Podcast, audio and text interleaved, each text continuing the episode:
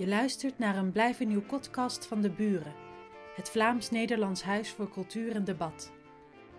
Deze aflevering wordt je aangeboden door De Buren en Muntpunt, bibliotheek en informatiecentrum in Brussel.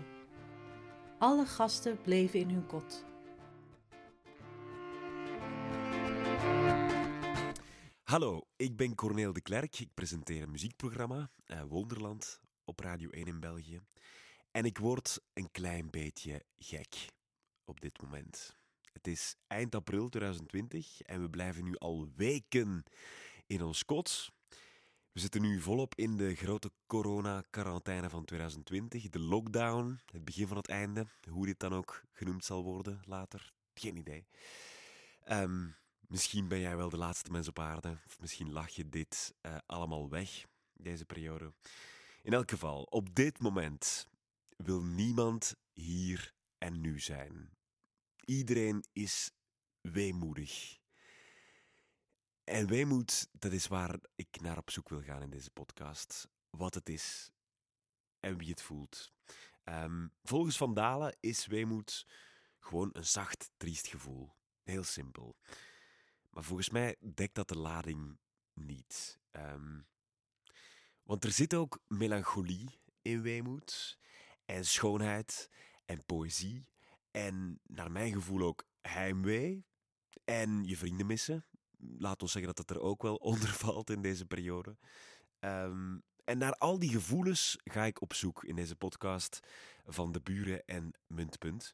Ik heb drie geweldige gesprekken gehad met drie geweldige vrouwen. Ik begin zo meteen met een eerder filosofisch gesprek met Joke Hermsen over weemoed en melancholie. Zij hamert erop dat we in deze tijd meer dan ooit nood hebben aan kunst en literatuur en poëzie. En dat dat is hoe we onze tijd moeten doorbrengen. En ik speel een beetje voor dokter en voor apotheker om in de thematiek te blijven van deze tijd. Want je krijgt bij het voorschrift van Joke Hermsen meteen ook het medicijn. Je hoort zo meteen twee dichters die elk op hun eigen manier bezig zijn met de schoonheid van weemoed.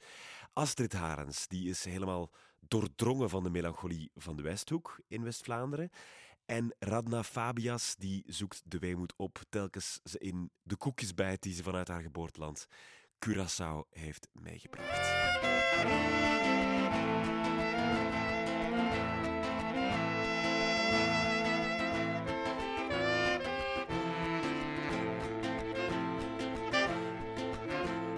Ik begin vandaag met een gesprek met Joke Hermsen, Nederlandse filosoof en schrijfster, gerespecteerd, prijzenwinnend. Um, en een uitstekende gesprekspartner in deze stille tijd, denk ik ook. Want een paar van haar titels zijn Windstilte van de ziel, Melancholie van de onrust en het bekende ook Stil de tijd, over het loslaten van de drukke tijd van horloges en afspraken en het volgen van je gevoelstijd, je innerlijke tijd, iets meer kalmte laten uh, in je leven. Maar je was perfect op tijd voor uh, dit digitale gesprek, Joke Hermsen. Welkom. Dankjewel. Um, is dit bij uitstek een weemoedige tijd? Ja, dat denk ik wel. Ja, um, om allerlei redenen. De weemoed is eigenlijk een ja, gevoelstoestand die de mens typeert, vooral de mens, omdat hij of zij uh, zich realiseert dat er een einde komt aan het leven. Dat, dat is een besef van sterfelijkheid, van, verga -hmm. van vergankelijkheid. En dat besef stemt ons weemoedig. Uh, een, een, een, besef waar we ons hele leven mee, mee opgezadeld zijn. We moeten toch dat hele leven ons blijven realiseren. Ja, dat, -hmm. dat, dat er op een zekere dag een eind aan zal komen. En dat is natuurlijk een behoorlijk zwaar besef. En we moeten daar van alles omheen ja, bouwen, ja. als het ware, om dat, uh, dat besef te kunnen dragen. Mm -hmm. Maar de, volgens u is weemoed sowieso gelinkt aan de dood. Aan het gevoel ja. van, van, van de dood. Oké. Okay. Ja, het, is een, het komt voort uit een, nou, een besef van verlies.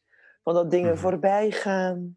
Dat je, die, dat je zaken of mensen verliest of uit het oog verliest. Of, of uh, je eigen sterfelijkheid, die van anderen. Het is één groot besef van vergankelijkheid, de weemoed. Ja. En dus nostalgie en melancholie zitten als een gevoel onder die weemoed ook?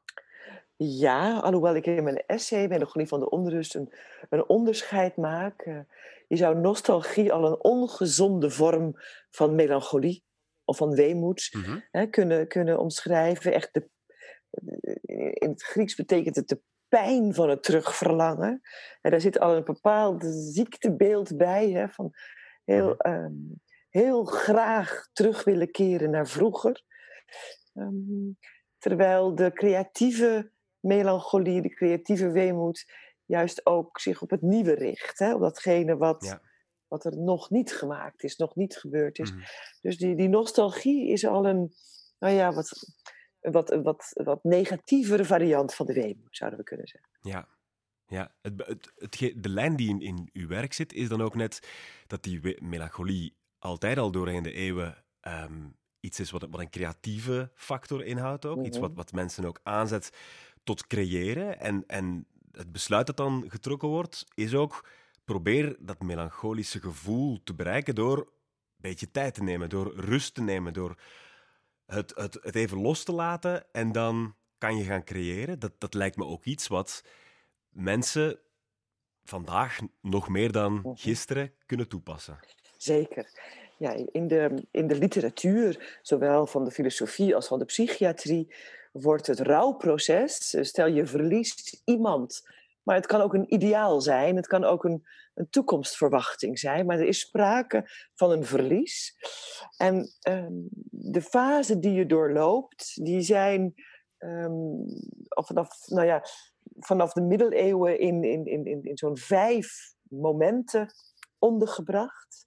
Het, Mhm. het eerste moment, en dat hebben we ook in deze coronatijd eh, gezien eh, gebeuren, is dat, dat ongeloof. Hè, Ja. men, men, men, men weigert het, het, het aan te nemen, dus ontkenning. Eh, de volgende fase is boosheid of woede. Boosheid voor degene die het veroorzaakt zouden hebben, het verlies of wie er, aan wie de schuld kan worden toegeschoven. Of bijvoorbeeld in dit geval ook een, een, een, een overheid die onvoldoende daadkrachtig eh, zich opstelt. Ehm, de derde fase is, als ik me niet goed, is als ik, als ik me niet vergis, een, een, een vorm van depressiviteit. Ik moet even terugzoeken. Mhm. Ehm, nee, er komt nog één interessante fase tussen die je nu ook, eh, ik kan het even niet gauw vinden, maar die, die, die je nu ook ziet gebeuren, dat heet onderhandelen. Dus oké, je, Ja, bent, ja, je, ja. je bent boos geworden en dan ga je kijken. Wij zouden het in Amsterdam sjoemelen noemen. Dat is een oud Jiddisch woord. Je gaat Ja. kijken, kun- kunnen we nog sjoemelen met de corona? Kunnen we nog Mhm. met onze bijvoorbeeld, zoals de, hyper, eh, de, de, de hyperrijken doen, onze, met onze privéjet naar een eh, onbewoond eiland in het Caribisch gebied, waar we met een paar van onze vri- vrienden gaan zitten. Kunnen we zo eh, de epidemie ontduiken? Kunnen we door andere maatregelen te nemen nog ons lot ontkomen, zal ik maar zeggen? Er wordt nog onderhandeld. Het is, en als op een gegeven moment ze begrijpen dat dat niet gaat werken, dat er met het coronavirus, om het voorbeeld maar aan te houden, niet te sjoemelen valt, ja, Ja. dan dreigt dat, wat, wat we dan ook in de, in, de, in de geschiedenis steeds terug zien komen, die, die, die zeer zwartgallige vorm van melancholie, de melancholie, letterlijk betekent het zwarte gal, hè, bezit van ons te nemen. Dus dat wil zeggen, eh, dan worden we moedeloos, dan gaan we on- Ja. ons machteloos voelen, dan worden we lusteloos, dan worden we, Mhm. met andere woorden, in moderne termen, depressief. Ja, ja, dat is een groot verschil. Depressie is een soort van verkeerd gelopen melancholie dan. Juist, ja, je zou eigenlijk kunnen zeggen dat sinds de oudheid al er twee eh, verschillende soorten van melancholie eh, onderscheiden worden. Een, een, een, een- gezonde vorm, dat wil zeggen, oké, je aanvaardt dat het leven vergankelijk is. Je probeert ook je lot te omarmen op een bepaalde manier. Je probeert ook te accepteren dat sommige dingen verloren gaan. Je probeert die Mhm. fase to- te doorlopen. En nadat iedereen op een zeker moment ook zo'n depressieve, zo'n te zwartgallige moment kent, door te gaan naar datgene ja, wat dan ehm, eh, aanvaarding wordt genoemd, of, of een nieuwe vorm vinden. Of, nou ja, dat, en als dat niet lukt, als het dus niet Mhm. lukt om na de depressieve fase ja, toch weer voldoende moed en hoop op te vatten. En tot die aanvaarding of die creativiteit te komen, ja, dan blijven we eigenlijk steken in een ongezonde vorm van, van melancholie, die tegenwoordig depressiviteit uh, genoemd wordt. Ja, ja want vroeger viel dat vaak samen. Hè? Het, woord melancholie, wat je net zei, het zwarte gal, was een medische term om, om een soort depressie te beschrijven. Um, als, we, als we dat nu praktisch um, even, even in, in deze tijd gieten, is er een manier dan om, om depressiviteit te vermijden? Als ik nu kijk in mijn omgeving, ik zie heel veel mensen die het heel erg moeilijk hebben op, op dit moment. Met die angst voor de dood, maar ook gewoon met het, het, het, feit dat we contact moeten vermijden, dat, dat, dat we een deel van onze activiteiten kwijt zijn, dat, dat, dat onze dag niet meer gevuld is, dat, uh, dat onze bezigheden weg zijn, die, die dan proberen om die ofwel op te vullen door, door dagelijks Skype-aperitieven, uh, zo heet dat dan, via Skype te gaan aperitieven met vrienden, of allerlei challenges via het internet te doen, Facebook vol te schrijven, uh, allerlei foto's te posten, lijstjes te maken van boeken, cd's, um, vinyl. Dat is een manier. En andere mensen die zich gewoon in een soort van leegte wentelen en daar ja, in dat gat vallen. Is er een manier om te ontsnappen aan depressiviteit zonder uh, ja, je, je, je dag volledig vol te moeten plannen? Nou, er zijn, denk ik, uh, er bestaat geen algemeen recept. Ik denk dat, uh, wat ik in het essay probeer te schrijven, is dat we uh, vooral eerst het verlies moeten, moeten zien te accepteren. Dat is al iets wat van ons moderne 21ste eeuwse westerlingen een behoorlijk grote vraag is. Hè? Wij zijn zo opgegroeid met het idee dat de wereld en ons leven maakbaar is en uit volledige vrijheid bestaat en, en, en heel veel keuzemogelijkheden. En dat we, hè, eh, als we maar goed ons best doen, dat we dan een heel mooi leven moeten zien te, te, te, te, ja, te, verwerven. En daar is mhm. nu door dit coronavirus een, een enorme uh, een slag toegedaan, zouden we kunnen zeggen. We hebben ons lot niet in onze eigen handen. we, zijn, we, zijn niet zo maakbaar, wij niet, nog ons mhm. leven, nog de westerse samenleving, ondanks alle rijk verworven rijkdommen en, en, en technologieën. We kunnen de meest verfijnde technologieën toepassen. We zijn niet bestand tegen een eiwit wat zich in een onzichtbaar, minuscuul klein elementje verspreidt, hè, parasiterend van levend organisme naar levend organisme. We, we staan met lege handen feitelijk. De hele rijke, westerse, vertechnologiseerde wereld staat met lege handen tot nu toe ten aanzien van een, een, een ja, een natuurlijk virus. Dat geeft ongelooflijke onzekerheid. En om op je vraag terug te keren, wat kan die melancholie in goede banen leiden? Nu, we hebben het vastgesteld, we zijn al weemoedige wezens, omdat we besef hebben van vergankelijkheid en verlies. Daar komt nu bovenop deze onrust en onzekerheid van een onzichtbare vijand, die eigenlijk ons uitlacht om onze rijkdom en technologie, want daar kunnen we niets mee aanvangen. ja, ze voelt het behalve dan dat handjevol multimiljardairs wat de privéjet pakt en naar een Caribisch eiland vertrekt. Maar enfin goed, die weigeren eigenlijk om nog langer mee te doen aan de menselijke wereld. Dus mhm. moeten we hen nog wel meetellen als we hier filosofisch... waarschijnlijk niet, waarschijnlijk niet. Laten we als een exotische soort beschouwen. Hè? Dat is toch uh, misschien verstandig om onze woede daarover natuurlijk ook hè, wat in toom te houden. Wat kunnen we doen? De geschiedenis leert dat er eigenlijk maar één remedie voor de melancholie is. En daarom eindigt mijn essay daar ook mee. En het is de hoop. Er is, we kunnen onze melancholieke inborst, die nog eens wordt aangezwengeld met een angst en onzekerheid van een onzichtbaar virus waarvan we nog niet weten hoe het gaat aflopen, nog wat de juiste medicijnen of vaccins er tegen zullen zijn, nog hoe lang het nog om zich heen zal grijpen, nog wie het zal treffen.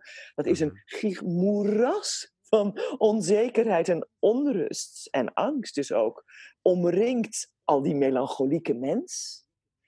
Ja. ja, en dan juist dan is het van ja, ongemeen uh, belang dat we uh, proberen ergens hoop uit te putten. Want die ja. melancholie, die, melan die zwartgalligheid van ons, die heeft lichtpunten nodig als het ware om draaglijk te houden. En die lichtpunten, daar hebben we natuurlijk onze hele cultuur opgebouwd. En dat is alles wat ons troost biedt en wat ons hoop biedt en wat ook misschien een liefdestransfer op gang brengt. Dus ja, wat is dat? Dat is de muziek voor velen. Dat is poëzie mhm. voor anderen. Dat is uh, aandacht, focussen op de natuur. Zie je nu veel gebeuren. Mensen, mensen die hier in Amsterdam allemaal uh, vogelcursussen gaan volgen. Om te, om te kijken wat daar toch in die, wat daar onder het balkon voorbij vliegt. Enfin, het is een vorm van aan, aandacht. Hè. Het is ook troostend. Uh, um, gemeenschappelijkheid. En dan kom ik meer op het politieke aspect. Dat ik denk dat wij nu uh, meer dan ooit daarvoor er ons van bewust moeten worden dat deze op het individualisme, het eigen belang, en de kapitalistische wetten van de neoliberale samenleving gestoelde model niet langer functioneert. We zullen met z'n allen bewust moeten worden van een collectieve solidariteit, waarmee we deze pandemie en waarschijnlijk de volgende die al, hè, als ik experts moet geloven, uh, al, al, staan te wachten, uh, als we die te lijf kunnen gaan, als we, die, als we ons daar uh, tegen kunnen wapenen. Waar denk veel mensen nu het heel moeilijk mee hebben, is net het tegenstrijdige in deze situatie is dat, dat we moeten iets collectiefs gaan doen, maar we moeten allemaal apart, ja. apart blijven. Ja. En iedereen heeft net de neiging om, om in dit soort situaties samen te gaan, te gaan als er een aanslag gebeurt, een kaarsje te branden, bij elkaar steun te zoeken. Als er iets misgaat, bij elkaar te overleggen. En nu, nu, nu zitten we allemaal zo, zo apart. Dat, dat maakt het zo tegenstrijdig, lijkt me. Ja, maar ik, ik heb het echt over een, uh, uh, dat we allemaal apart moeten gaan nadenken. moeten collectief nadenken. Ja. nou ja, nou, niet collectief nadenken, want ik geloof niet dat een, ik geloof niet dat een collectief kan nadenken. Dat, dat, dat, dat spijt me dan weer voor de grote aanhangers van elke vorm van collectiviteit. Een groep kan niet denken. Je moet alleen denken, Cornel. Er zit niks anders op. Je moet zelf nadenken. Je moet zelf proberen vast te stellen wat is er aan de hand? Ja. Hoe heeft dit kunnen gebeuren? Wat zouden mogelijke antwoorden erop kunnen zijn? Hoe heeft de samenleving eigenlijk, hoe, hoe zijn wij in het Westen tot op dit punt geraakt? Heeft onze verhouding tot de natuur hiermee te maken? Heeft onze verhouding tot transport hiermee te maken? Tot vervuiling van de aarde, tot enzovoort, mhm. enzovoort, enzovoort. En dat kunnen we, moeten we allemaal He, omdat we helemaal mensen zijn die wij kunnen nadenken. We hebben die kritische vermogens. We kunnen een beetje afstand nemen van onszelf en kijken, ons simpelweg afvragen: ja, hebben we dat nu eigenlijk wel goed gedaan? Ja. Die vraag moeten we stellen. In je, in je boek Stil de Tijd, daar, daar begint het ook uh, met het hele idee van, van hoe de tijd geëvolueerd is en hoe fabrieken ons hebben aangezet om sneller te gaan leven en, en prikklokken en, en Charlie Chaplin die vermalen wordt door, door, door een fabriek. Nu valt alles compleet stil. Ehm, denk je dat die crisis iets gaat veranderen? Of gaan we hierna gewoon weer opnieuw machines aanzetten? Ja, daar, kijk, weet je, daar, daar, daar hoef je niet voor in een soort filosofische glazen bol te kijken, dat, dat, dat ligt feitelijk gewoon aan onszelf. Zowel aan jou als aan mij, als aan iedereen. Wij zelf zijn mensen. Hè? We, worden niet gedreven door louter driftmatige impulsen. Dus als wij met z'n allen ons en de anderen weten te overtuigen dat we niet op diezelfde voet verder kunnen, dat we niet hetzelfde spoor kunnen blijven, dat er alleen nog maar meer destructie en, en pandemieën en, en, en andere uh, zaken ons zullen wachten, ja, dan moeten we dat, dat roer toch in eigen hand nemen. We, we, ja. ik, kijk, denken en ook proberen om iets te veranderen of iets te verbeteren, is, is, is een onderdeel van de menselijke conditie. Maar dat is niet alleen maar een, uh, hoe zeg je dat, een, uh, een vermogen. Hartstikke leuk dat, dat, dat, dat we dat gekregen hebben. Maar het is ook een verplichting. Hè? We kunnen ons handelen tegen het licht houden. We kunnen nadenken vanuit die zekere afstand over hoe is het zover gekomen. En dat moeten we eigenlijk allemaal voor onszelf doen. Eerst. Ja. En dat zou je nu in deze tijd misschien als iets positiefs kunnen. We worden nu gedwongen tot stilstand. We worden nu gedwongen even niet te feesten, even niet aan de carrière te denken, even niet te veel ehm, eh, op pad te gaan, 7, 8, 9, 10 reizen te boeken per jaar, uh, hè, voortdurend maar die verstrooiing te zoeken, dat we geamuseerd worden, en dat we kunnen consumeren. Enfin, daar zijn we toch, hè, daar zijn we het over eens, behoorlijk in doorgeslagen. Wat is denken? Ja. Denken is pas op de plaats. Denken is een time-out van de behoeftebevrediging. Hè? Ja, Heel simpel. De vervelingsindustrie, zoals jij Ja, het is echt, denken is, is even niets doen en niets willen.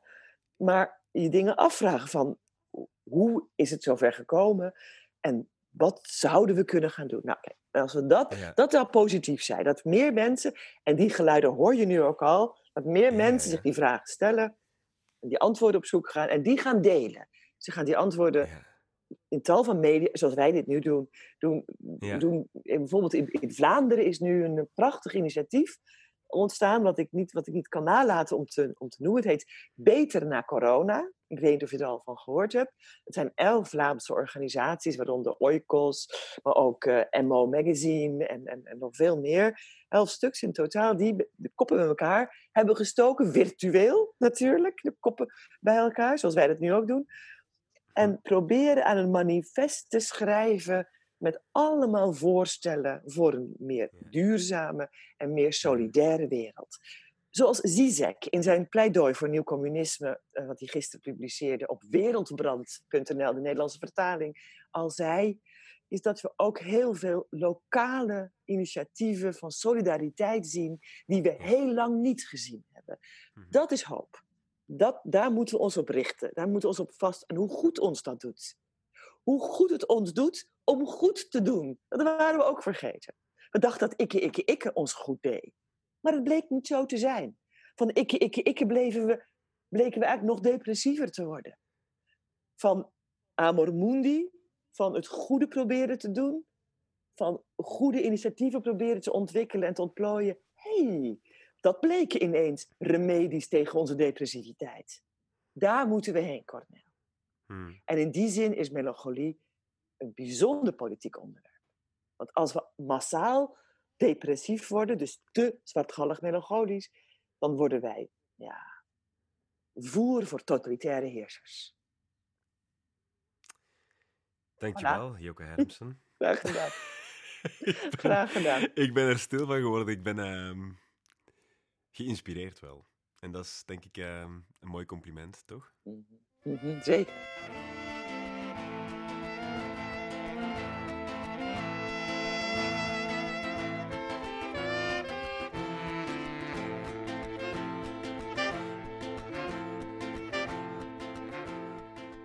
Lanceer nu in volle coronacrisis een project met als titel Iedereen Dichter en Maggie de Blok of haar Nederlandse collega Hugo de Jonge roepen meteen een persconferentie bij elkaar om de brokken te lijmen of eerder om elk brokje anderhalve meter uit elkaar te halen.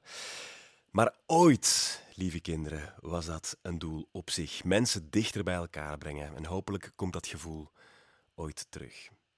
Drie maanden geleden lanceerde Astrid Harens een project, Iedereen Dichter. Astrid ging ooit als beloftevolle jonge schrijfster mee op schrijfresidentie met de buren en de beloftes worden stilaan ingelost, bijvoorbeeld met de film Iedereen Dichter, waarin Astrid weemoed aan een plaats linkt. Een plek waar oude gedachten al jaren vechten tegen de sterkste winden. De Westhoek, waar ze met meer dan 200 inwoners uh, ging babbelen en zo woord voor woord, blik na blik, koekske na koffietje, een gevoel in tekst en beeld probeerde te gieten, in poëzie en film. Zij de poëzie en Leonardo van Zijl de beelden, video. Per dorp schreef ze een gedicht en dit is Alveringem. Ik zit in de tuin en eet kersen. En zie hoe deze grond mijn wachtwoorden heeft bewaard. Oude kogels, lippen van papavers, onaangeroerd heeft bewaard. Het was een stil jaar zegt de buurvrouw terwijl ze de ronde van het onkruid doet, tuurt naar de pulserende kolen aan de horizon. Voel jij ook die dalende druk, dat fijn stof dat ons na al die tijd gevonden heeft? Ze drukt haar handen in de aarde en haar knieën en haar gezicht. Het was een stil jaar. Ik luisterde naar mijn moeder, die verdrietig was om mijn broer, die verdrietig was om mijn vader, die verdrietig was om mij. We zwegen. Rouwen op het ritme van de natuur is zo slecht nog niet, zegt de laatste boer die tegen de muur zijn facturen uitklopt. De beesten hebben mij nodig. Liefde geef ik in de vorm van een kilo courgettes. Het slijmspoor van slakken na onweer stelt mij gerust. Net zoals het feit dat ze niet langer dan twaalf maanden hoeven te leven. Hoeveel lichter, hoeveel vrijer je zou ademhalen. En maakt het dan nog uit welk dorp, welk huis, welke trots je op je draagt. Mooi. Dag Astrid Harens. hallo. Live vanuit je appartement in Brussel, net als ik. We hadden het interview waarschijnlijk ook al roepend kunnen doen. Heel luid dan, dat zou gaan storen aan tijd. Ben je daar graag of zou je liever in de Westhoek zijn nu? Op dit moment zou ik veel liever in de Westhoek willen zijn. Ik heb behoefte aan ruimte. kan ik daar een beetje in de zon zitten, de zee zien. Maar ja. Ja, ja want de Westhoek, daar, daar liggen je roots. Je bent er niet opgegroeid, maar je bent er wel vaak geweest. Mijn moeder eh, is daar opgegroeid, dus mijn grootouders wonen daar. Dus als kind ben ik vaak uh, naar die regio geweest. Ja. Hoe vaak ga je nog terug? Wel, nu, afgelopen jaar ben ik zeer vaak geweest voor het project. Uh, maar mijn grootouders zijn alle twee overleden. Dus uh, voor het project ja, gebeurde het nog maar zelden dat ik eigenlijk in de streek kwam, tenzij ik naar de zee ging. Ja. ja. Als je terugdenkt aan, aan die periode, als je nostalgisch terugdenkt, wat zijn dan de smaken, de geuren, de woorden die terugkomen? Ja, dat is eigenlijk grappig. Ik herinner mij vooral uh, de ritten in de auto.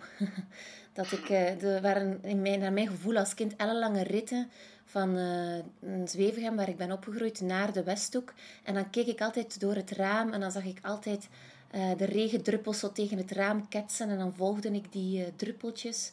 En de wolken herinner ik mij ook, de dikke, dikke pakken wolken, de akkers, de huizen ook die, heel, ja, die donkerbruin zijn in mijn, in mijn herinnering. De knotwilgen en de grachten. Ja, enorm veel natuurbeelden herinner ik mij eigenlijk vooral. Ja, dan, dan is het ook rust, toch? Als je, al, die, al die beelden stralen kalmte en rust uit in mijn hoofd. Ja, rust, maar het had ook iets een beetje dreigend. Heeft, ik vind de natuur daar is zeer ja, melancholisch op een manier. Of er is daar echt, er resoneert daar iets, iets verborgen. Ik kan dat niet goed uitleggen wat dat is.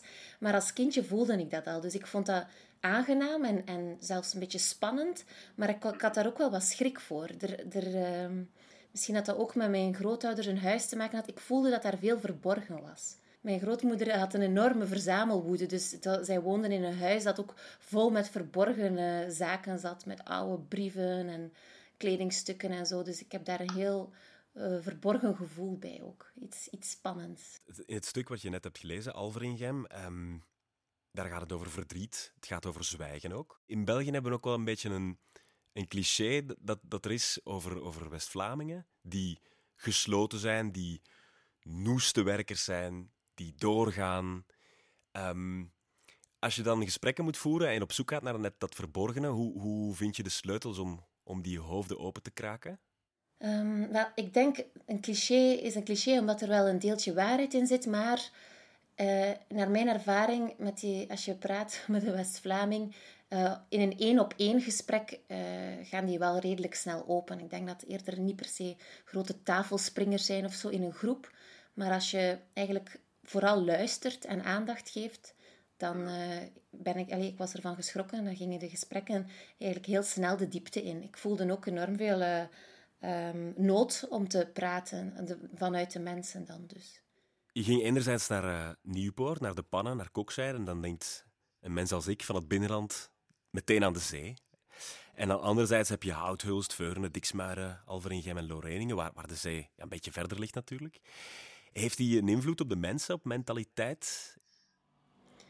Wel, ik heb een, een schrijfworkshop gedaan in Oostkerken bij Diksmuiden en toen werd de vraag gesteld Ehm, of de bodem waarop je woont, of die een invloed had op je denken, op je mentale wel welzijn. En ze legden een link tussen de bewerkbaarheid van de bodem uh, en, de, en, het hoofd van de mensen. Dus hoe meer je naar de kust gaat, hoe lichter en hoe zanderig de bodem. En dan werd er beweerd, dan zijn de hoofden van de mensen ook lichter. Terwijl in Veurne, en zeker de Moerstreek, daar is heel zwarte, onbewerkbare aarde. Uh, dat, de, dat de mensen ook koppiger zijn, minder bewerkbaar en meer gesloten. Ik vond dat een mooie vergelijking. Ik weet niet of het 100% waar is natuurlijk, maar ik heb wel een verschil gemerkt, ja, dat zeker. Uh, aan de kust zijn, waren de mensen... Er waren ook veel tweede verblijvers natuurlijk en veel bezoekers. Um, maar die zee doet toch iets voor, met, met een gemoed als je zegt bodem en bewerkbaarheid, we hebben het er net gehad over die verkiezingen en over, over nationalisme. En ik wil zeker niet de politieke toer op gaan, maar het idee van dat bodem en identiteit aan elkaar vasthangen, is iets wat daar wel heel sterk aan gelinkt is ook. Ja, zeker, zeker. En het gevaar zit er ook volgens mij in een beetje een soort valse nostalgie ehm, of een weemoed, hè, waar we het dan over hebben, um, naar een verleden die misschien ook nooit heeft plaatsgevonden. Hè. Um, er is een soort, er wordt ook, dat wordt ook ja, opgewekt door uh, mensen, uh, politici, dat er een soort nostalgie is naar een tijd en een soort hernieuwde trots op een identiteit. Um, terwijl weemoed allee, is op zich een ambivalent gevoel. Hè. Het, is, het, heeft iets positiefs en iets ne negatiefs. Je kan het omzetten in, in, in, iets moois. Wat ik geprobeerd heb. Ik heb geprobeerd om de weemoed bij de mensen om te zetten in, in, uh, in poëzie dan.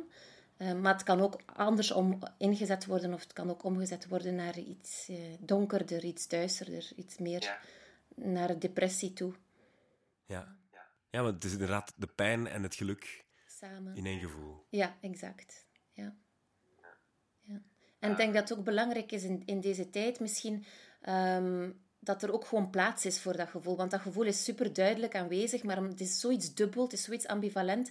En in deze tijden waarbij je heel snel een mening moet vormen en waarbij het sowieso allemaal heel snel gaat, is er vaak, dat heb ik ook gemerkt in die gesprekken, is er een gemis naar een ruimte om, om het eens niet te weten ook. Om gewoon een, een beetje te treuren of een beetje uh, verdrietig te zijn, maar ook een beetje blij. Zo, dat ambivalente, daar is weinig plaats voor. Ja. Het is heel gek. Als ik keek naar de film, dan voelde ik zelf een soort van heimwee naar de Westhoek. Terwijl ik nooit in de Westhoek heb gewoond. Ik heb daar geen familie. Um, maar je voelt wel een soort van oud gevoel. Een soort van oer-Belgisch gevoel. Of een soort van oer-Vlaams. Het werken, de paarden zie je ook overal. Je, je ziet de, de weides, je ziet het land dat bewerkt is. Um, bestaat dat land eigenlijk wel? Is dat geen, geen constructie? Goh, het, is zo, het is sowieso het is een film, hè, dus we hebben sowieso een montage gemaakt en geselecteerd in beelden. Maar het is wel een weergave van, van uh, de indrukken die we daar hebben binnengekregen. Ja. Ik heb ook het gevoel dat het over, over heimwee gaat, voor een stuk. Ja, het is, en soms is het heel letterlijk, want bijvoorbeeld in Kokzijde heb ik daar een dag in, in het dorpscafé gezeten, in het dorp. Um, en het is ook prachtig in Kokzijde, in, in dat café zaten er allemaal mannen met cowboyhoeden. Zo heel, ik had zo'n heel anarchistische sfeer zo. Um, en die mensen in het dorp, dat is ook wel interessant, um, hoe een dorp eigenlijk langzaam ook verdwijnt. In Kokzijde um, breidt eigenlijk de, de, het, het, gedeelte aan de kust, dus Kokzijde Bad, steeds maar uit ten koste van het, van het dorp, van Kokzijde Dorp. Daar werd enorm veel over gepraat en daar heb ik ook over geschreven. En dat is letterlijk heimwee naar vroeger, naar de folklore, naar de, uh, de, stoets van vroeger. Ze voelen gewoon dat het dorp steeds meer verdwijnt. De, openbare diensten worden allemaal verplaatst uh, naar Bad bijvoorbeeld. En ze hebben het gevoel dat er minder naar hun geluisterd wordt. Um, dus dat is wel iets om, om voor op te letten. Ik denk dat dat wel op andere plekken aan de Belgische kust ook zo is. En dan is het ook wel mooi om vanuit die melancholie of vanuit die nostalgie misschien een, een vuist te maken en, en dat uh, wel te benoemen en te bespreken. Het kan ook een, een drijfveer zijn of een kracht in zich hebben. Ja. Ja, het kan ook een wapen worden natuurlijk. Ja, ja het is een wapen al. Vaak heb ik het gevoel.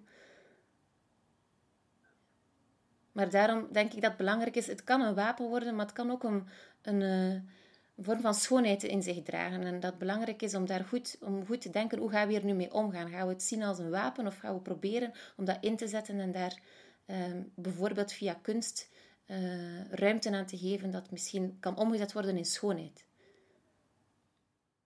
Ja, en dat heb je gedaan hè? met die film. Iedereen dichter. Um, wanneer gaan we hem zien, die film? Want normaal gezien hadden we hem gezien in Muntpunt, tijd geleden. Ja. Wel, eigenlijk, ik heb een, de bedoeling was om een online poëzieplattegrond te maken. En dat heb ik dus gedaan. Dus het is een website met een kaart van de Westhoek. En dan kan je eigenlijk uh, reizen doorheen de Westhoek en op de verschillende uh, plekken waar een gedicht over is geschreven klikken. En dan kan je altijd het gedicht lezen. En de film staat dus online op de, de website. En ik ging hem normaal vertonen in Brussel en op het uh, literatuurfestival Memento in Kortrijk. Maar dat gaat dus nu niet door. Maar misschien in het najaar dat ik nog op plekken, dat hij op plekken te zien zal zijn. En anders vanuit je zetel op iedereendichter.be. Heb je nog een, een stuk gedicht voor ons om af te sluiten? Iets wat het gesprek samen kan vatten? Ik zal het gedicht uh, voor Dick Smuiden lezen. Op het kruispunt van klei en zand werd ik geboren. Uit een gezin van littekens en wild vlees. Geen vlakte zo vlak dat het niet droomt van een stad. Van samengehokte huizen, een trotse tuin om zomers naar de Notelaar te reizen. Geef mij geen Costa Brava, slechts in de winter wil ik een zee. Nu stap ik elke dag over de hitte van dit stenen plein, waaronder scherven knarsen, dat de bodem van onze harten zich niet zomaar laat bewerken. Doorheen mijn ruggengraat stromen de melodieën van arbeid en geld. Ik zie op tegen de toren, de vuist die eist het recht op geheimen en verstoven tijd. Meer en meer alleen zwerf ik over virtuele wegen vecht ik tegen de bange cadans van mijn genen. Aan de ijzer trek ik mijn schoenen uit, strooi kiezels tussen het riet over de open handen van koude soldaten. Elke dag kijk ik uit het raam, noteer welke vogels en het weer, schrap in mijn mond nog een woord waarin ik geen verkoeling meer vind. Tot alles eindelijk stil. Eindelijk alles stil. Zie ik plots hoe de notelaar een kerselaar geworden is. Dankjewel, Astrid Harens.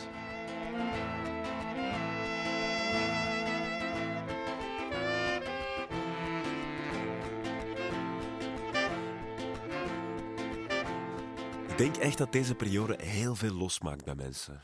Omdat dat er zoveel dreigend gevaar is. Maar ook omdat um, we allemaal een verplichte pauze moeten nemen. En dat dat doet nadenken over waar we vandaan komen en waar we naartoe gaan. Een beetje zoals, zoals uh, Astrid Harens net ook deed. Um, de roots. Um, en dat gaan we nu nog meer doen misschien, met Radna Fabias, een andere dichteres.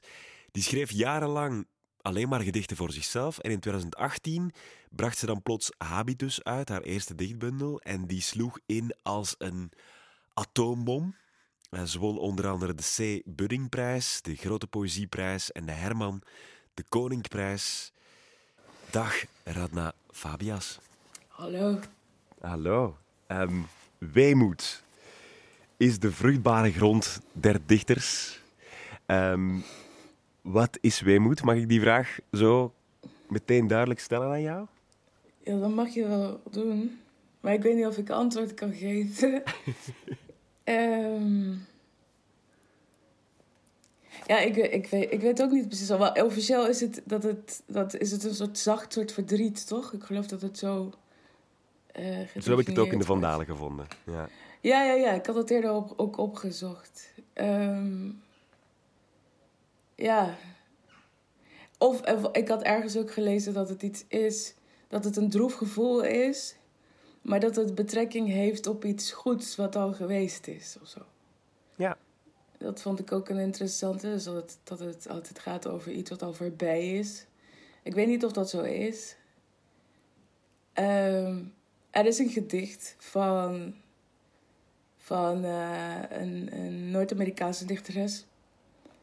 Um, die, waarin dat volgens mij wordt aangeraakt. Ze heet Dorothea Lasky. En het gedicht heet uh, Ars Poerica. Um, en daar... Ik had, ik had de vertaling erbij gezocht. Ik ga even kijken of ik... Ja, doe maar hoor.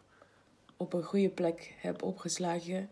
Een andere dichter, een Nederlandse dichter, Joost Baars, die heeft een vertaling. Uh, daarvan is een vertaling gepubliceerd. Um, van het gedicht. Ik lees een deel voor. Ik zeg dat ik de wereld wil redden, maar in alle ernst, ik wil de hele dag gedichten schrijven. Ik wil opstaan, gedichten schrijven, gaan slapen, gedichten schrijven in mijn slaap, mijn dromen gedichten maken, mijn lichaam een gedicht maken met mooie kleren. Ik wil dat mijn gezicht een gedicht is. Ik heb net geleerd hoe je eyeliner bij je ooghoeken moet aanbrengen om ze breder te laten lijken. Altijd huist er in mij een romantische losbandigheid. Ik wil het afgrijzen voor anderen voelen. Ik voel het door te zingen.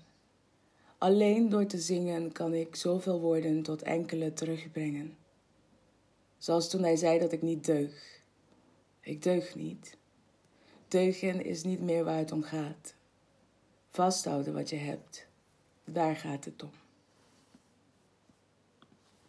Um, ja, even kijken. Waarom had ik dat? Oh ja, omdat ik het idee heb dat dat ergens wordt aangeraakt. Want ik associeer het met een zekere um, romantisering van verdriet. Mm En dat, daar een beetje mee flirten of zo. Want het is niet het is zachter dan, dan dat waar mensen uh, uh, last van hebben als ze een depressie krijgen, bijvoorbeeld. Hmm. Um, uh, of, of rouw, weet je wel. Dat is, dat is, van, dat is een steviger soort omgang met verdriet. Het, het heeft iets. Het is een beetje sexy of zo. ja, ja, ja, het is de verliefdheid het is de verliefdheid van de pijnen of zo. Het is niet de, niet de, de zware passie waar je, waar je van el, in elkaar stort. Het is de, de zachtheid zo. Ja, het is een beetje zo. Het, het is, het, je, je raakt het aan. Um, uh, en als je het aanraakt, dan. dan het overrompelt je niet helemaal. Mm zeg maar. Het verlamt -hmm. je niet. Ik, want ik associeer echt verdriet. Verdriet um, met, met een, een, een bepaalde verlamming. En, en weemoed heeft dan iets, iets waar je een beetje in kunt zwelgen. Um, en, en wat productief kan zijn. Ik hoor in hoe je, hoe je het zegt dat je dat wel doet. Dat je dat regelmatig doet. Er een beetje in zwelgen. Mm -hmm. Ja, misschien als ik, als ik poëzie lees, als ik zo'n gedicht lees, zoals, zoals net, um, dan zit het daar wel dat zit er dan in en dan, dan kan mhm. ik bij dat gevoel komen. Mm, ja, ik weet niet of ik zwelg. Misschien zwelg ik wel. Ja, ik, ik weet niet, ik, moet, ik, ik heb niet vaker hierover moeten nadenken. ik, ja. Hoe, hoe, hoe ik nu, nu ik ben nu al een paar dagen aan het nadenken over, over weemoed en over, over het gevoel dat erachter kan zitten. En ik denk dat er verschillende vormen zijn ook. Dat er een soort van je hebt, je hebt heimwee, is een soort van, ja. kan een soort van weemoed zijn. Of je, je, kan een soort van nostalgisch gevoel hebben. Um, Naar dingen die je zelf hebt meegemaakt, maar ook eventueel naar een soort van groter ideaal. Dat kan je ook wel hebben. Um, mm. wat, voor rol speelt, speelt dat gevoel in jouw leven, in jouw dagelijks leven? Uh, heimwee, bijvoorbeeld. Mm -hmm. ik, ik weet nog dat mijn, mijn moeder die sprak over heimwee alsof het een soort van ziekte was. En, um, maar ook iets waar je tegen kon wapenen. En dat het nodig was om dat te doen omdat je anders niet kon functioneren. Zij dus keek bijvoorbeeld met, um, met,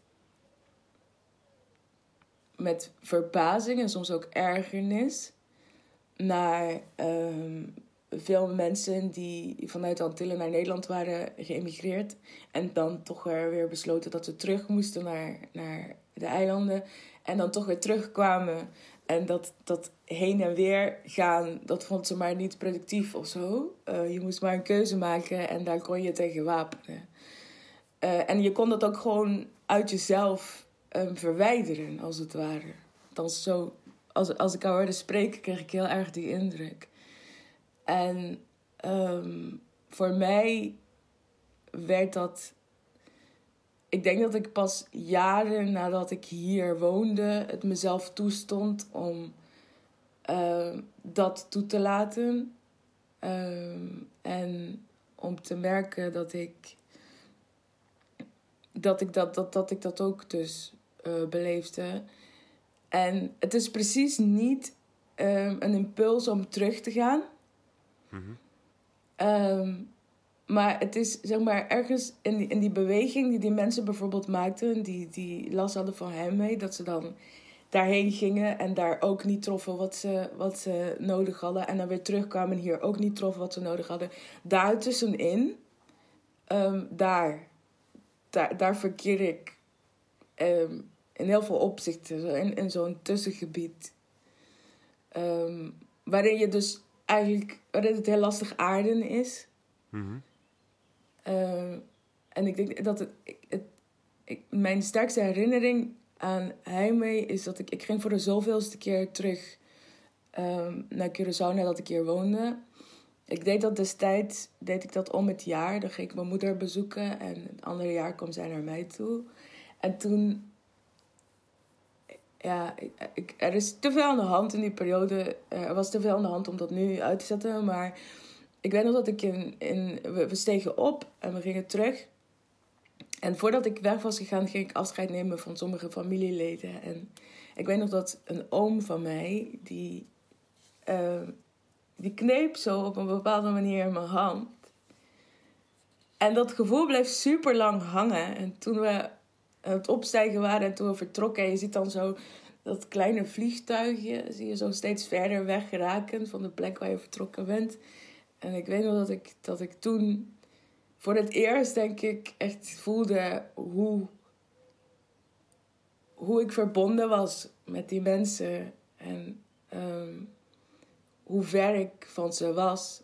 Maar ook met mijn herinneringen bijvoorbeeld daar van het daar opgroeien.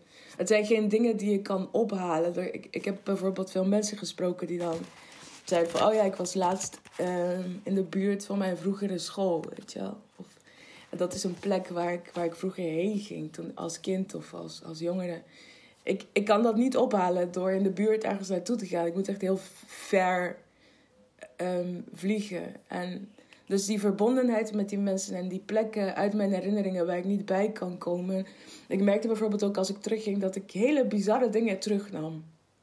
In mijn, ik had koffers vol met onzinnige dingen, weet je wel. Dat ik dan... vanuit Curaçao naar, naar Nederland? Ja, ja, ja. Dan ging ik zo al die dingen inkopen. Was een bepaalde soort En wat voor dingen dan? Een crème bijvoorbeeld, dat mijn moeder op mijn huid gebruikte toen ik, toen ik, toen ik jonger was. Um, uh, een cologne Ehm, mijn, mijn oma gebruikte bien-être, heet dat. En, en, en dat, daar kocht ik dan een flesje van. Um, ik had herinneringen aan uh, allemaal vrouwen in de wijk waar mijn, mijn grootouders woonden. Die, er was zo'n zo'n moment, het was bijna een soort van catwalk moment in de, in, de, in de late middag. Dan gingen ze allemaal douchen en dan kwamen ze naar buiten en ze hadden allemaal talkpoeder, zo babypoeder, dan op hun borst en in hun nek. En alles was fris. En, en nou ja, goed, ik ging dus babypoeder kopen.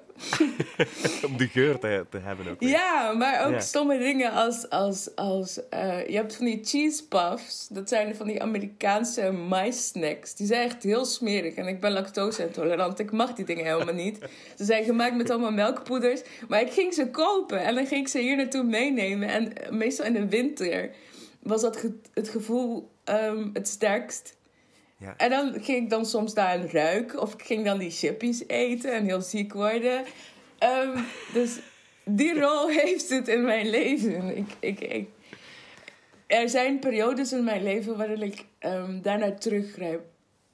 Maar ook nu. Um, ik heb bijvoorbeeld mijn mijn oma had er een en een oud-tante van mij waar ik vaak was, die had er ook. En zat zo'n altaartje.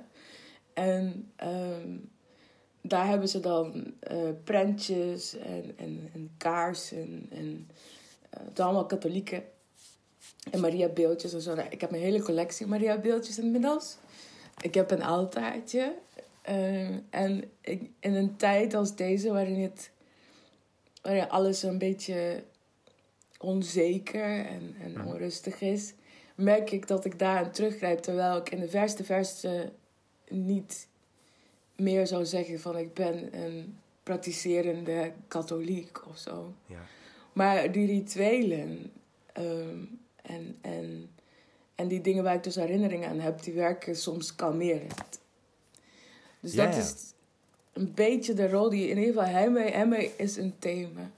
En nu bijvoorbeeld, ik, ik was laatst aan het schrijven en toen schreef ik dat ik de zee heel erg miste.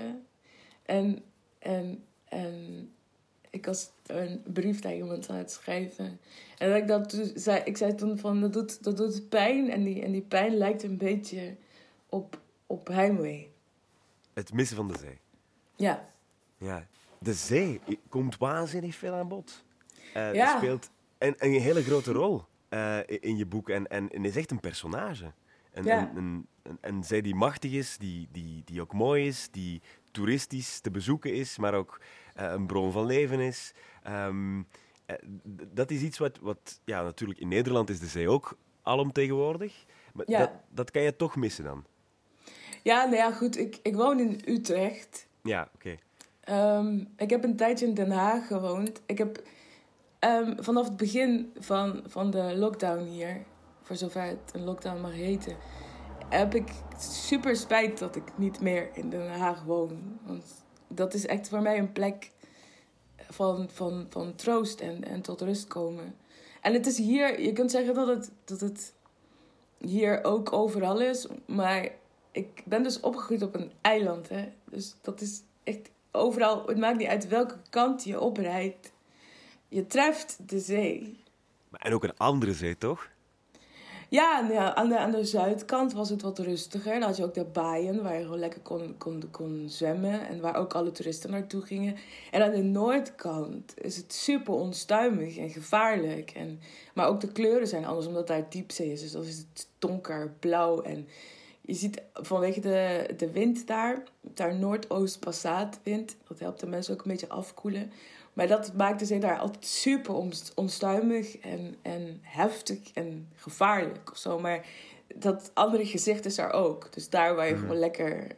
En, en dat, dat, dat opgesloten zitten, wat, wat ergens ook heel, ehm, heel beklemmend kan zijn op een eiland, ehm, is ook heel schoon of zo. Je, je kunt gewoon niet, ergens kun je niet ontsnappen aan, aan het eiland.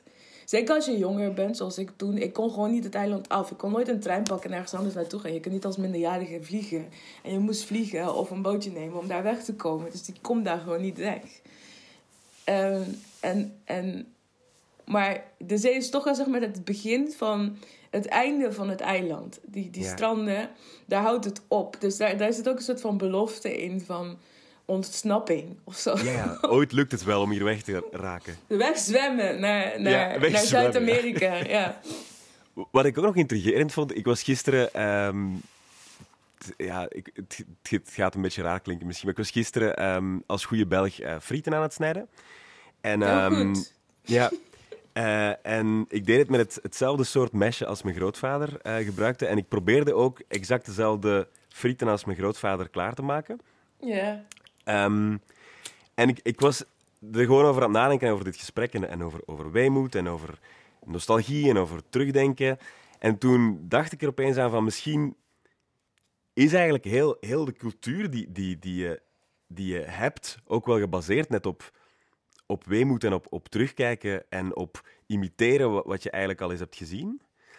Ehm, en vooral ook koken.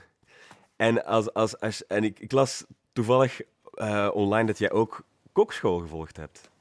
ja, dat klopt. Ik heb, ik Dus da- daar eh, moet je toch ook wat mee, mee hebben?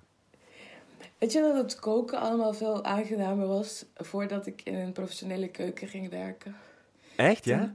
Ja, ja, ja. Nou ja, goed, het, het had ook wel iets hoor. Maar het is, het is on, ongelooflijk uh, uh, fysiek zwaar. Um, en, maar het is wel ook wel mooi. Het is ook creatief werk, maar het is creatief mm -hmm. werk wat, wat, um, wat je met je, met je lichaam doet en, en met je handen vooral. En het is allemaal zwaar en het was ook heel erg op tempo. Het moest allemaal snel en zo. Maar koken, ja. Um, en ik merk dat ik nu, na heel lang, nadat ik in die professionele keuken had gewerkt, is het daarna allemaal wat minder geworden. Daarvoor kookte ik heel veel. En um, nou, de laatste tijd is er iets meer gelegenheid om dat te doen, omdat ik thuis ben. En dan ben ik dat weer aan het doen. En wat ik je eerder vertelde over net in Nederland zijn, en wat ik ook terughoor in jouw verhaal als je vertelt over, over je opa. Um, ik had um, een aantal gerechten dat ik miste. Ik weet niet eens of ik het per se miste om ze te eten, als wel dat de handelingen die daarbij hoorden, die ik dus vaak mijn moeder had zien doen, of mijn grootvader en mijn grootmoeder, en de geuren die dan uh, om je heen dan hingen als je die dingen aan het maken was. Um, en ik weet dat toen, toen woonde ik, ik woonde op kamers en ik ging dan mijn moeder vragen om die, om die recepten voor mij uit te schrijven. Super moeilijk, want mijn moeder die, die kookt intuïtief. Um, ja, ja. Dus dan in, bij stap 1 ben je nog iets aan het snijden. En bij stap 2 um, zitten die dingen al in een pan ergens te smoren. en denk je, wat, we missen, we missen een paar stappen. Maar ik ging dus wel dat allemaal reconstrueren. En ik ging die dingen maken. En het was echt zo troostend om, um, om die geuren weer te ruiken. En om te zien hoe, hoe al die... die die ingrediënten getransformeerd werden en ook dus um, zichtbaar werden um, zoals toen. Um, dat, dat het gerecht er zo uit ging zien. Het, alles was eigenlijk erop gericht om die gerechten van mijn moeder of van mijn oma of haar moeder weer dan zo te maken. Zodat het, dus ik snap, ik snap, ik snap helemaal dat jij met dat mes en, en met dat op dezelfde manier als, mm -hmm. als je grootvader. Ik heb een vijzel gekregen. En die vijzel is van mijn overgrootmoeder oh, geweest. Wow. En um, ik, ik gebruik dat soms als ik, als ik kook. En het is... Dat hele object is voor mij ook, ook belangrijk. Mm -hmm. um, ik, heb, ik heb betere vijzels. Um, uh, ik heb ook um, ja, minder verweerde vijzels of zo. Maar dat is mijn lievelingsding, weet je Omdat het, het, het, daar, zit, daar, zit, uh, daar zit van alles in. Mm. Um, en daar zit geschiedenis in of zo. En, en je ziet zelfs aan, aan, hoe heet dat ding? Je hebt zeg maar dat... dat... Ja, die, de stamper of hoe, ja, hoe Ja, de dat? stamper. Ja. dus, nee, mijn overgrootmoeder die kookte voor mensen, maar ze verkocht ook uh, vis en zo. Dus ja. als er dan vis gehakt moest worden, dan gebruikte ze de stamper om op het mes te slaan, om grote oh ja, okay. moten te maken. En daar zit dus nu een inkeping ja, in. Dat vind ik dus prachtig. Het is, het, zeg maar, het is haar werk, het is haar lichamelijke werk. En het zijn de handelingen die zij gedaan heeft. Die hebben dat object vormgegeven. Dat, dat, dat gegeven ja, dat, dat vind ik mooi. Sowieso, ja. ja. Ja, Hoe een bepaald object ook een ziel kan krijgen. Mm -hmm. ja, ja, ja. door, door steeds opnieuw gebruikt te worden door verschillende ja. mensen en daardoor ook van vorm te veranderen. Ja. Oh, iets helemaal anders, maar hoe, hoe, hoe ga je met deze periode om eigenlijk? Want daar hebben we het nog helemaal niet over gehad. Hoe voel je je nu? Oef. Um, ja, dat, dat verschilt per dag. Ik zei laatst tegen iemand van het gaat wat beter, maar dat gaat helemaal niet lineair. Mm -hmm. um, ik, uh, er zijn dagen waarop, waarop het me goed lukt om in ieder geval tijdens een deel van de dag um, te doen alsof er niks aan de hand is. Weet je wel, want je moet ook um, weet ik veel, mijn btw-aangifte moet ook gedaan worden. En Ehm, ik moet ook mailtjes beantwoorden. En ik, ik moet ook eh, die dingen doen. En ik moet ook schrijven. En, ehm, Lukt dat? Lastig. Ik, ik schrijf wel. In het begin was het... Ik denk dat de eerste paar weken was het wel heel lastig. Ehm, terwijl ik daarvoor had ik bijvoorbeeld een residentie gehad. Toen heb ik een paar weken in Oostende gezeten. En toen ging ik echt Mhm. heel fijn. Ehm, Terwijl dit is ook een soort residentie, toch? ja, het, maar het is wel... Verplicht, resi- maar.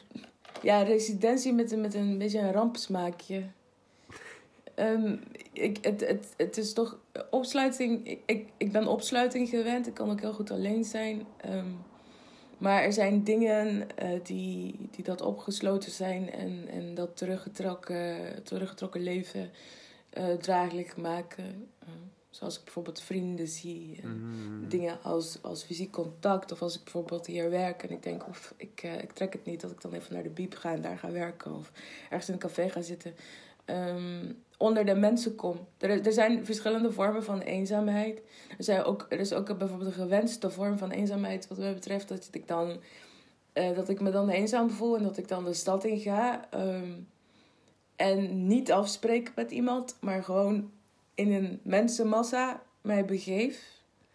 En daar een beetje, en dat, dat troost mij. Ik hoef niemand te spreken per se. Gewoon dat, nou, dat mis ik. Ja. Ehm, ik maar ik mis ook ehm, gewoon, ehm, weet je wel, dat je een vriend ziet en een, Mhm. een omhelzing. Of, ik, ik mis gewoon ik, alle, alle fysieke zaken. ehm, daarvan ben ik me heel erg bewust dat ik die nu niet heb. Ik zou graag mijn moeder een knuffel geven. Ik, eh, ik zou wel veel meer. Ik denk dat ik in staat ben nu om iedereen een knuffel te geven. ik, ik zeg iets vrolijks. Eh, ja. Ehm, de wereld wordt beter na corona. Denk je? Ik moest iets vrolijks zeggen en ik hoop dat het zo is. Misschien wel. Ik, eh, ik hoop het. Ik hoop het ook. Ja, de wereld wordt beter na corona.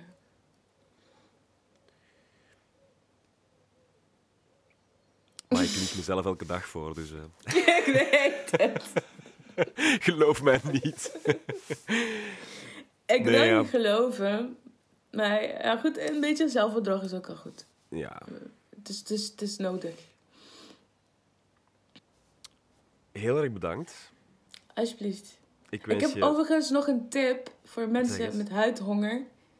Oh ja, kneden. sorry. Sorry. Maak brood. Eh, kneed deeg. Dat, dat helpt Dus- een beetje.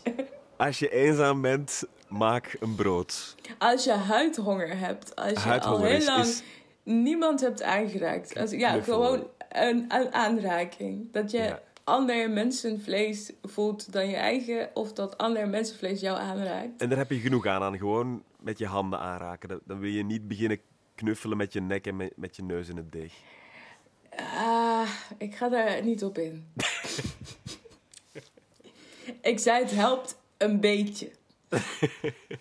Oké. Goed. Deeg. Deeg.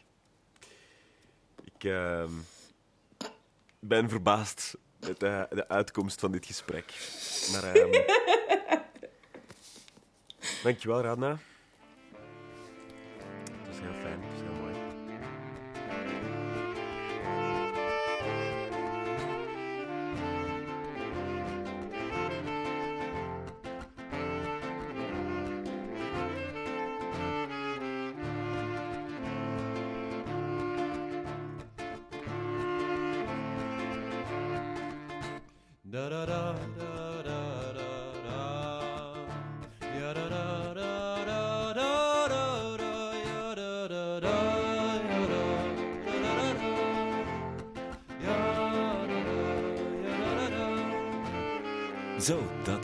Voor deze podcast. Zometeen krijg je nog een gedicht van Radna Fabias cadeau. Eerst wil ik snel nog iedereen bedanken.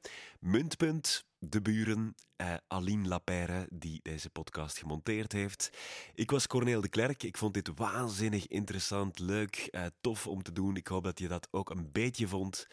en ik wens je het allerbeste. Ik zoek je in de stad. Ik zoek eerst je lijf in de stad.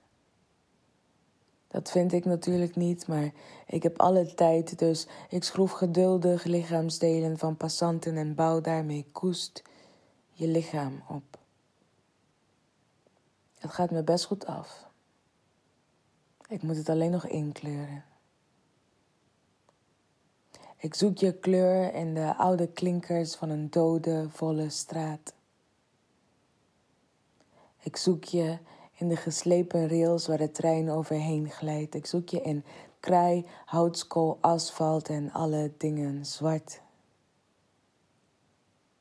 Tussen 7 en 8 uur ochtends vind ik je op de huid van de elektriciteitsdraden boven de hele stad. Ik ga op mijn tenen staan, maar ik kan er niet bij.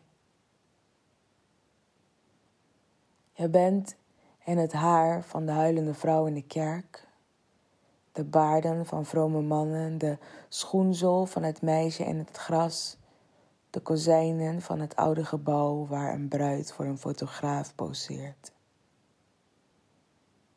Ik vind je in boomschors, boomstam, rotsen en het zand op drie verschillende plekken in mijn geboorteland, maar ik mag van de douane je kleur niet meenemen.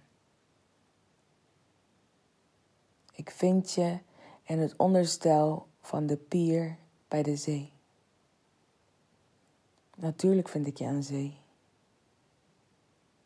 Je zit eerst in de vleugel van een hongerige meeuw.